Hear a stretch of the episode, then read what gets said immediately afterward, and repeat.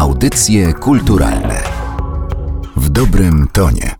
Przed mikrofonem Magdalena Miszewska zapraszam na kolejny odcinek audycji kulturalnych. E, dziś nagrywany w księgarni wydawnictwa Czarne. Od razu muszę usprawiedliwić e, dźwięki domofonu, które tutaj mogą się zdarzyć, bo schodzą się goście na spotkanie autorskie z Michałem Radomiłem Wiśniewskim, autorem książki Wszyscy jesteśmy cyborgami, a ja właśnie z nim rozmawiać będę o internecie, bo o tym jest jego książka. Dzień dobry, cześć. Dzień dobry. Wpisując e, w wyszukiwarkę internetową Wszyscy jesteśmy cyborgami, trafiłam na wykład przykład e, konferencji TED Talks, czyli takiej konferencji, która się reklamuje tym, że popularyzuje idee, które warto propagować. I tam e, swój wykład tak zatytułowała antropolożka Amber Case. E, on nie dotyczył internetu, tylko po prostu w ogóle nowych technologii i ona tam stwierdziła, że te nowe technologie, te wszystkie komputery, telefony, smartfony, to jest nowe narzędzie dla ludzkości, ale różni się od tych narzędzi, które mieliśmy do tej pory, bo te wcześniejsze były w jakiś sposób przedłużeniem naszego naszego ciała fizycznego, a te, e, których e, używamy teraz, e, są przedłużeniem naszego umysłu. Czy ty też tak uważasz, że to jest właśnie coś innego niż te poprzednie narzędzia, z których ludzkość uczyła się korzystać? Z jednej strony nowe media i sieci społecznościowe są nowym rodzajem narzędzia, z drugiej strony te poprzednie narzędzia też w pewnym stopniu były rozwinięciem naszego umysłu. Ja doszedłem do podobnych wniosków co Amber Case, wychodząc z lektury lektury książek cyberpunkowych, gdzie metafora cyborga właśnie była używana nie tylko dla opisu ludzi, którzy mają sztuczne ręce na przykład, czy jakieś wspomagania elektroniczne, ale właśnie na opisanie ludzi połączonych przez jakiś system mediowy typu telewizja, typu internet. Ale jeżeli się zastanowić, to cała kultura była też takiego rodzaju siecią. Kultura wyrażana powiedzmy przez, jak to Dawkins nazywał memami, to jak uczyliśmy się używać narzędzi jak idee na przykład narzędzi różnych krążyły między kulturami, to w pewnym stopniu też było przedłużeniem umysłu. Natomiast to, co jest teraz, to e, wydaje mi się, że internet i te nowe media wydobyły różne idee, sprawiły, że są dużo bardziej widoczne. To, co wcześniej pozostawało ukryte, czasem nieświadome wręcz, w czasach internetu jest podane jak na dłoni. W rozmowie z dwutygodnikiem określono Twoją książkę jako biografię internetu. Ty później odpowiadając na kolejne pytania e, tłumaczysz, że to jest w zasadzie e, biografia Twojego internetu albo Twoja biografia w internecie, bo chociaż to brzmi banalnie, ale jednak tak jest. Każdy użytkownik internetu ma jakąś swoją z nim historię. Ja jestem e, tylko trochę od Ciebie młodsza. Urodziłam się w połowie lat 80. i ja już nie wiedziałam, co to jest Usenet, z którego Ty korzystałeś. Ty pamiętasz, co wpisywałeś w pole wyszukiwarki. Ja czytając Twoją książkę zdałam sobie sprawę z tego, że pamiętam mój numer gadu-gadu, a moje dziecko pierwsze swoje wspomnienia z internetem będzie miało już z YouTube'em, który w ogóle nie istniał. E, jak ja zaczynałam e, korzystać z sieci, a on w ten sposób e, wyszukiwał sobie bajki. Starałem się nakreślić taki dość szeroki obraz tej historii internetu, ale też miałem świadomość, że ta mapa i terytorium w tym przypadku po prostu są zbyt duże. Nie da się napisać książki o całym internecie, nie da się opisać jego każdego zakamarka, więc używałem swoich doświadczeń żeby nadać takiego bardziej osobistego tonu, żeby czytelnicy mogli z tym w jakiś sposób empatyzować, żeby mieli możliwość zobaczyć, w jaki sposób mogą opowiedzieć swoją własną historię. Czyli z jednej strony starałem się opisywać przemiany w myśleniu, w obyczajowości, które dotykały nas wszystkich, ale też opowiadałem własną historię z taką nadzieją, że każdy będzie mógł sobie zainspirowany jakby tym, co ja robię, przypomnieć właśnie sobie z jakiej strony pierwszej korzystał, z kim rozmawiał na gadu-gadu, gdzie poznał swojego pierwszego niewidzialnego przyjaciela, który się później okazał botem jakimś i tego typu historie. My też o całym internecie nie damy rady porozmawiać, bo to musiałby być bardzo długi odcinek w wielu częściach i właściwie chyba serial z tych odcinków mógłby powstać, ale no w związku z tym, że to jest podcast Narodowego Centrum Kultury, to chciałabym się skupić na tych aspektach e, związanych z kulturą i internetem. Internet trafia do Polski, trafiają komputery pod strzechy, zaczynamy z niego korzystać, otwiera się przed nami cały świat, o którym do tej pory nie mieliśmy pojęcia. Ale chyba to nie było wcale tak, że Polacy masowo zaczęli dowiadywać się rzeczy na temat e, kultury całego świata i do tej pory tak nie jest. Mimo dostępu do wszystkich informacji, o jakich tylko moglibyśmy pomyśleć, no, nie czytamy wszystkiego, bo po pierwsze jest to niemożliwe, a po drugie ten ogrom tematów nas przytłacza po prostu, więc czasami też mimo tego, że możemy dowiedzieć się wszystkiego o wszystkim w każdym miejscu świata, to sprawdzamy po prostu, co w polskiej kulturze się dzieje. Internet jest po prostu za duży, żeby go się dało całego obejrzeć. Nawet w jego początkach, on już wtedy był duży, nawet jak się składał z kilku stron, to od razu się zbudowała taka struktura, że internet został podzielony na takie różne grupki zainteresowań. Jeżeli ktoś miał stronę na przykład poświęconą japońskiej animacji, to od razu wokół niego tworzył się taki krąg innych zainteresowanych tym tematem z ich stronami. Każdy tam dorzucał od siebie cząstkę wiedzy. Więc internet został stworzony z takich różnych baniek. Te bańki były ze sobą połączone czasem, czasem się przenikały, czasem miały części wspólne, ale bardzo dobrym przykładem jest internetowa księgarnia Amazon, która się tym różniła od innych księgarni, że była po prostu ogromna i każdy, nawet najbardziej niszowy produkt mógł tam znaleźć miejsce swoje. Czyli jeżeli ktoś chciał napisać książkę dla bardzo wąskiego kręgu odbiorców, to miałby problem z nią trafić do tradycyjnej dystrybucji bo wylądowałby w jakiejś małej księgarni, w jednej sztuce i być może akurat w tym mieście w ogóle nie byłoby nikogo zainteresowanego tym tematem.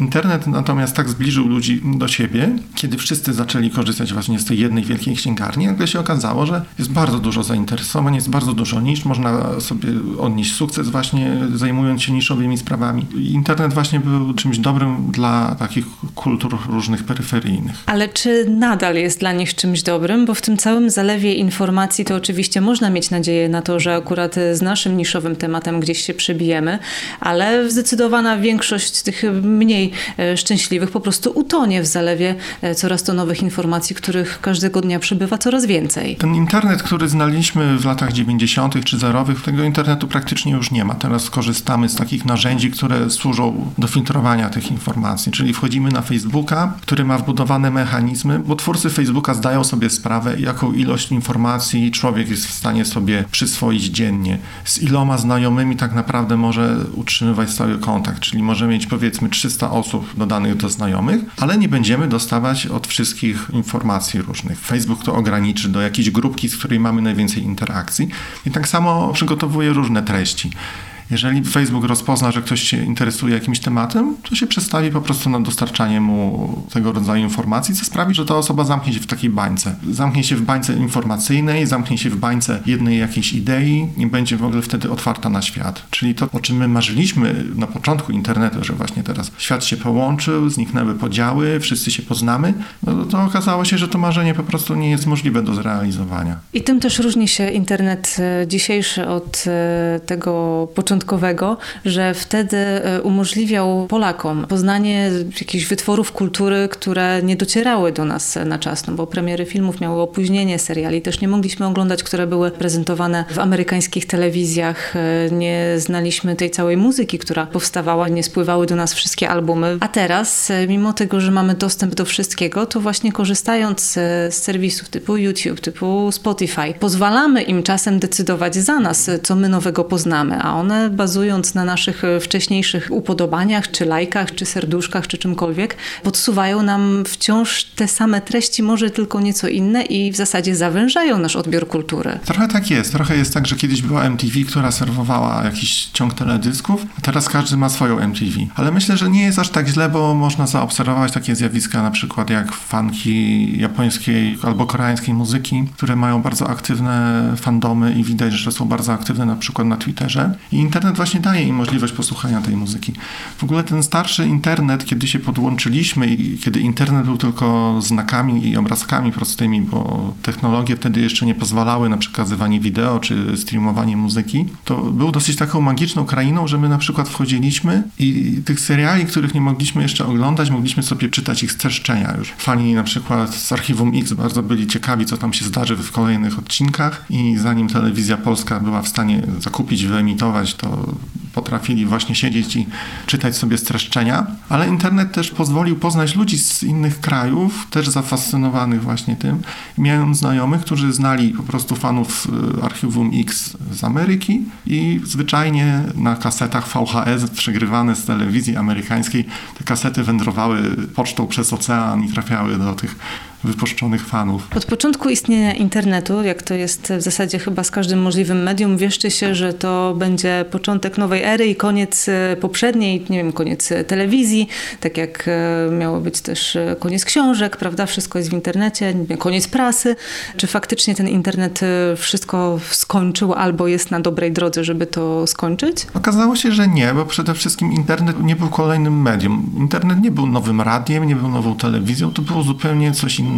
Raz, że to była przede wszystkim sieć społecznościowa, czyli wynalazek, który początkowo miał łączyć uczelnie, miał łączyć sztab dowodzenia na wypadek e, wojny nuklearnej, który łączył ze sobą jakichś specjalistów czy biznesmenów, nagle połączył ze sobą zwykłych ludzi. I to była największa rewolucja internetowa. Natomiast okazało się, że telewizja wciąż istnieje, chociaż musiała po prostu się dostosować. Także już nie ma takiej sytuacji jak jeszcze 30 lat temu, że cała Polska siedziała i oglądała jeden film. Internet jest zbudowany na niszach i współczesna telewizja i media, w które się tak naprawdę zamieniła, też są niszowe. Pojawiły się najpierw kanały tematyczne w sieciach kablowych, potem się pojawiły sieci streamingowe, które nie są telewizją i też nie są internetem, one są hybrydą jakby. One jednocześnie mają wbudowane narzędzia, które pozwalają oddać się im jakby pod kontrolę. To, co było najważniejsze w telewizji, to że ja mogłem sobie usiąść, włączyć telewizor, nie musiałem się przejmować, co ja mam teraz oglądać, bo ktoś zdecydował, tak?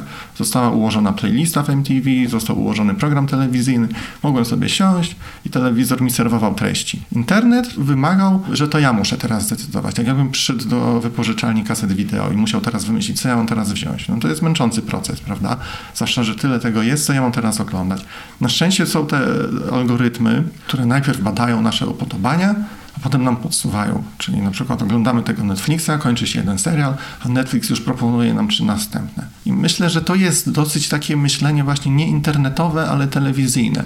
Czyli dajmy spokój temu widzowi, niech on się nie martwi, my mu coś podamy, tak, jak skończy oglądać. Nie musi klikać sam. To ma swoje zalety, bo rozmawiając ze znajomymi spotkałam też e, takie opinie, że oni bardzo dużo filmów bardzo dobrych obejrzeli kiedyś zupełnym przypadkiem, bo właśnie zmieniali kanały na pilocie i trafili na jakiś film, który dopiero się zaczynał i o dobrze, to ja sobie w takim razie ten film obejrzę i potem się okazywało, że faktycznie był to jakiś e, wartościowy obraz. Gdyby mieli się sami na niego zdecydować, prawdopodobnie by się nie zdecydowali i nie obejrzeli, bo gdzieś e, nie był związany tematycznie z tym, co zazwyczaj sami wybierają sobie do oglądania. I właśnie takie siedzenie przed Netflixem i badanie, który serial odpowiada na moje potrzeby i który faktycznie chcę obejrzeć, powoduje, że pewnych rzeczy właśnie no, nie obejrzymy, bo leżą za daleko od naszych zainteresowań, a czasu mamy tylko tyle, ile mamy. I w zasadzie ta przypadkowość telewizji miała w sobie bardzo dużo dobrego. Z jednej strony można było zobaczyć dużo fajnych rzeczy, ale też trzeba przyznać, że się oglądało dużo niefajnych rzeczy.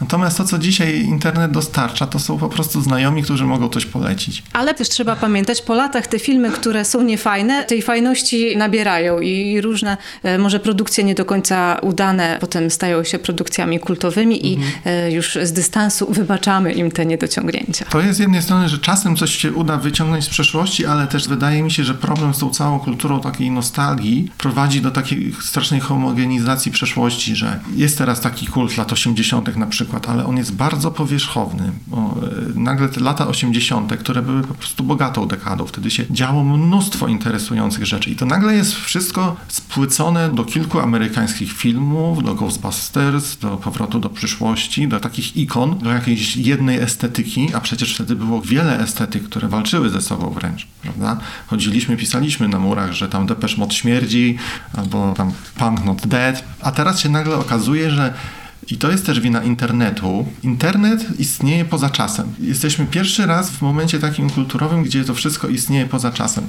Kiedy radio promowało jakąś piosenkę, to zwykle to była jakaś świeża piosenka. Starsze piosenki były w audycjach o starych piosenkach. Dzisiaj, zwłaszcza w takich sieciach, które operują w zupełnie innych hierarchiach, w zupełnie innych strukturach, bardzo to jest ewidentne na TikToku. To jest taka nowa aplikacja, gdzie można sobie używać fragmentów muzyki, żeby sobie tam potańczyć do niej, albo nagrać jakiś śmieszny filmik, albo sketch.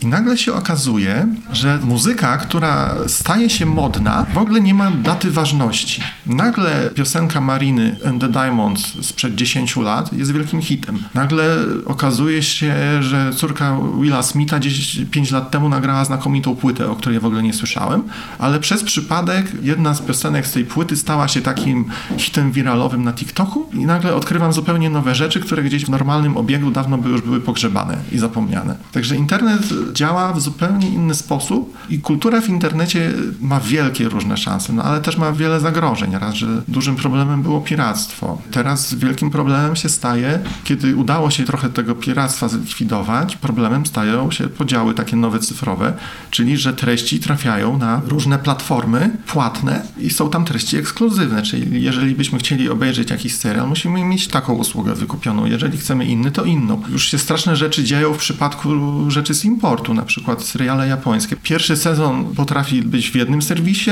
drugi w drugim, trzeci jeszcze w innym, bo po prostu tak sobie prawa pokupowali. Jeszcze się okazuje, że wchodzą jeszcze inne cyfrowe podziały, czyli geograficzne, czyli że prawa do tego serialu nie są wykupione na cały świat. Więc y, jeden serial, który mi się podoba bardzo, ostatnio próbowałem go oglądać, ale się okazało, że mam dostęp tylko do ostatniej trzeciej serii, a dwie poprzednie mogą oglądać tylko Amerykanie. Ty wspomniałeś o tym, że teraz jest e, boom na lata 80., już na lata 90. nawet e, się zaczął i żyjemy w kulturze retromanii i w wielu dziedzinach naszego życia ta kultura jest, ale ty w swojej książce napisałeś, że w przyszłości takiej kultury retro może w ogóle nie być. Tak, wydaje mi się, że jest coś niepokojącego w tym, że moda na lata 80. trwa już dłużej niż trwały lata 80.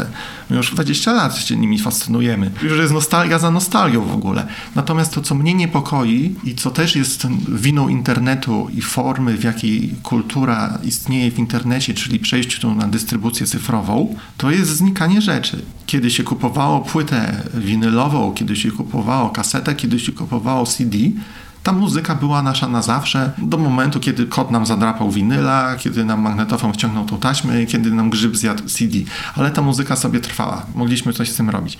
Dzisiaj nie kupujemy muzyki, dzisiaj kupujemy prawo do słuchania. Tylko działa to tak, że płacimy korporacji. Jeżeli teraz ona straci prawa dopuszczania tej piosenki, my też nie będziemy już mogli słuchać tej piosenki. Widać to bardzo przy grach na telefony komórkowe. Po prostu przy zmianie systemu na nowy w iPhone'ie stare programy znikają i już nie istnieją. Jest bardzo rozwinięta kultura retro właśnie związana z grami komputerowymi, związana z tym, że sobie teraz kolekcjonujemy właśnie gry na starych nośnikach tylko w wypadku, gdy tych nośników nie ma, to gra przestaje istnieć. Są robione całe takie listy, takie internetowe cmentarzyska, gdzie są po prostu wypisane, kiedy jakaś gra przestała istnieć, bo już jej nie można nigdzie dostać. Jeżeli ktoś już miał ją ściągnięty na swój dysk nie rusza tej maszyny, dba o nią, to ją będzie miał, ale to rzecz, która się staje po prostu niedostępna. I może być tak, że nie będziemy mieli za czym tęsknić, bo nie będziemy mieli do tego dostępu, bo cała kultura retro to nie jest taka zwykła nostalgia to nie jest taka nostalgia, że sobie wspominam, ale było fajnie 20 lat temu. To jest bardzo aktywna nostalgia. To jest nostalgia polegająca na tym, że ja mogę sobie zagrać w tą grę sprzed 20 lat.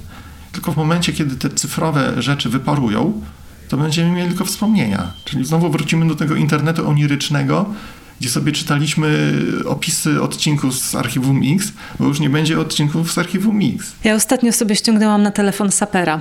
Właśnie taką nostalgię za grami z Windowsa poczułam i działa na razie, więc mogę sobie w niego pograć. Temat TikToka też się pojawił. To jest platforma, z której korzystają przede wszystkim młodzi ludzie i to jest platforma, która bardzo wyrównuje dostęp do kultury, bo teraz już internet no, pokrywa zdecydowaną większość e, terenu Polski Polski i ten dostęp do sieci jest dużo łatwiejszy niż kilka czy kilkanaście lat temu, więc prawie każdy może z niego korzystać i może tę kulturę tworzyć i na TikToku jest to bardzo ułatwione i nie ma tam znaczenia, czy jesteś nastolatkiem z jakiejś małej wsi, czy z dużego miasta. Tak, tak. TikTok jest bardzo demokratyczny i wiem, że mówi się, że on jest dla dzieci, ale korzystam z niego już chyba pół roku albo dłużej i nie jest to prawdą. Jest dużo studentów, jest dużo ludzi w okolicach trzydziestki, po czterdziestce nawet się zdarzyło. W ogóle ogóle odkąd media się zainteresowały TikTokiem, odkąd się marketingowcy w ogóle zainteresowali, bo się okazało oczywiście, że ta aplikacja ma gigantyczną popularność, więc sprzedawcy reklam się bardzo zainteresowali, więc tam już pojawiają się jacyś profesjonalni twórcy. Pojawił się na przykład Will Smith, który ma swój kanał, pojawił się Karolak z naszego podwórka i też tam nagrywa TikToki. I to jest właśnie takie fajne, demokratyczne tutaj, że możemy w sobie wziąć kawałek jakiejś piosenki i udawać, że ją śpiewamy i później tą samą piosenkę będzie udawał, że śpiewa Karolak, tak? Nagle wszyscy są twórcami i robią te same rzeczy. Używają tych samych dowcipów. Tylko się też obawiam, że takie okienko właśnie, kiedy aplikacja jest fajna, zanim zostanie popsuta, powoli się będzie zamykać, bo to też jest w historii internetu, że każda rzecz nowa była fajna przez jakiś czas, a później wszyscy ją odkryli i się popsuła. Przyszli po prostu zarabiać tam pieniądze, przyszli narzucać jakieś treści reklamowe i obawiam się, że jeśli ktoś chce zobaczyć fajnego TikToka, to ma ostatnią szansę na to teraz. Można próbować. Ja próbowałam dwa dni temu, ale jeszcze się nie zdecydowałam na założenie konta, trochę z myślą taką, że jak tam przyjdzie za dużo starych, to jednak młodzi zaczną odchodzić, no bo głupio tak ze starymi się bawić w to samo. Trochę to jest ten problem, że młodzież potrzebuje takiego swojego miejsca, gdzie nie przyjdą starzy i być może z tego się właśnie wziął taki ruch oddolny walki ze starymi, pojawił się taki mem OK Boomer, gdzie jest wyraźny taki konflikt pokoleniowy, że młodzi pokazują, że to jest nasze miejsce, to są nasze wartości, my wierzymy w zmiany klimatyczne, wy w to nie wierzycie,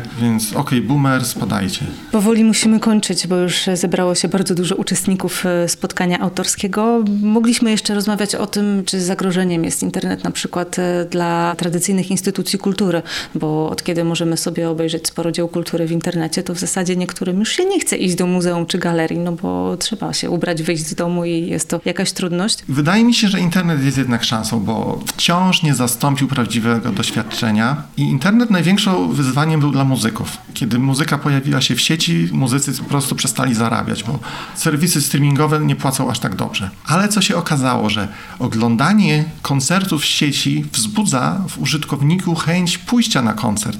Więc nagle się okazało, że transmisje na YouTube, na przykład krótkich fragmentów albo... Nawet całych koncertów z dużych festiwali. Albo na Netflixie można obejrzeć piękny koncert Taylor Swift i po prostu obejrzałem ten koncert i mam już kupione bilety na najbliższy koncert Taylor Swift. Także myślę, że internet może być zagrożeniem, ale też zawsze będzie stanowił szansę i nadzieję. To ja spróbuję jeszcze tutaj urwać ostatnie dwie minuty, bo w kontekście rozmowy o kulturze w internecie bardzo ciekawy wątek też pojawia się w Twojej książce o komputerach jako złych bohaterach filmów.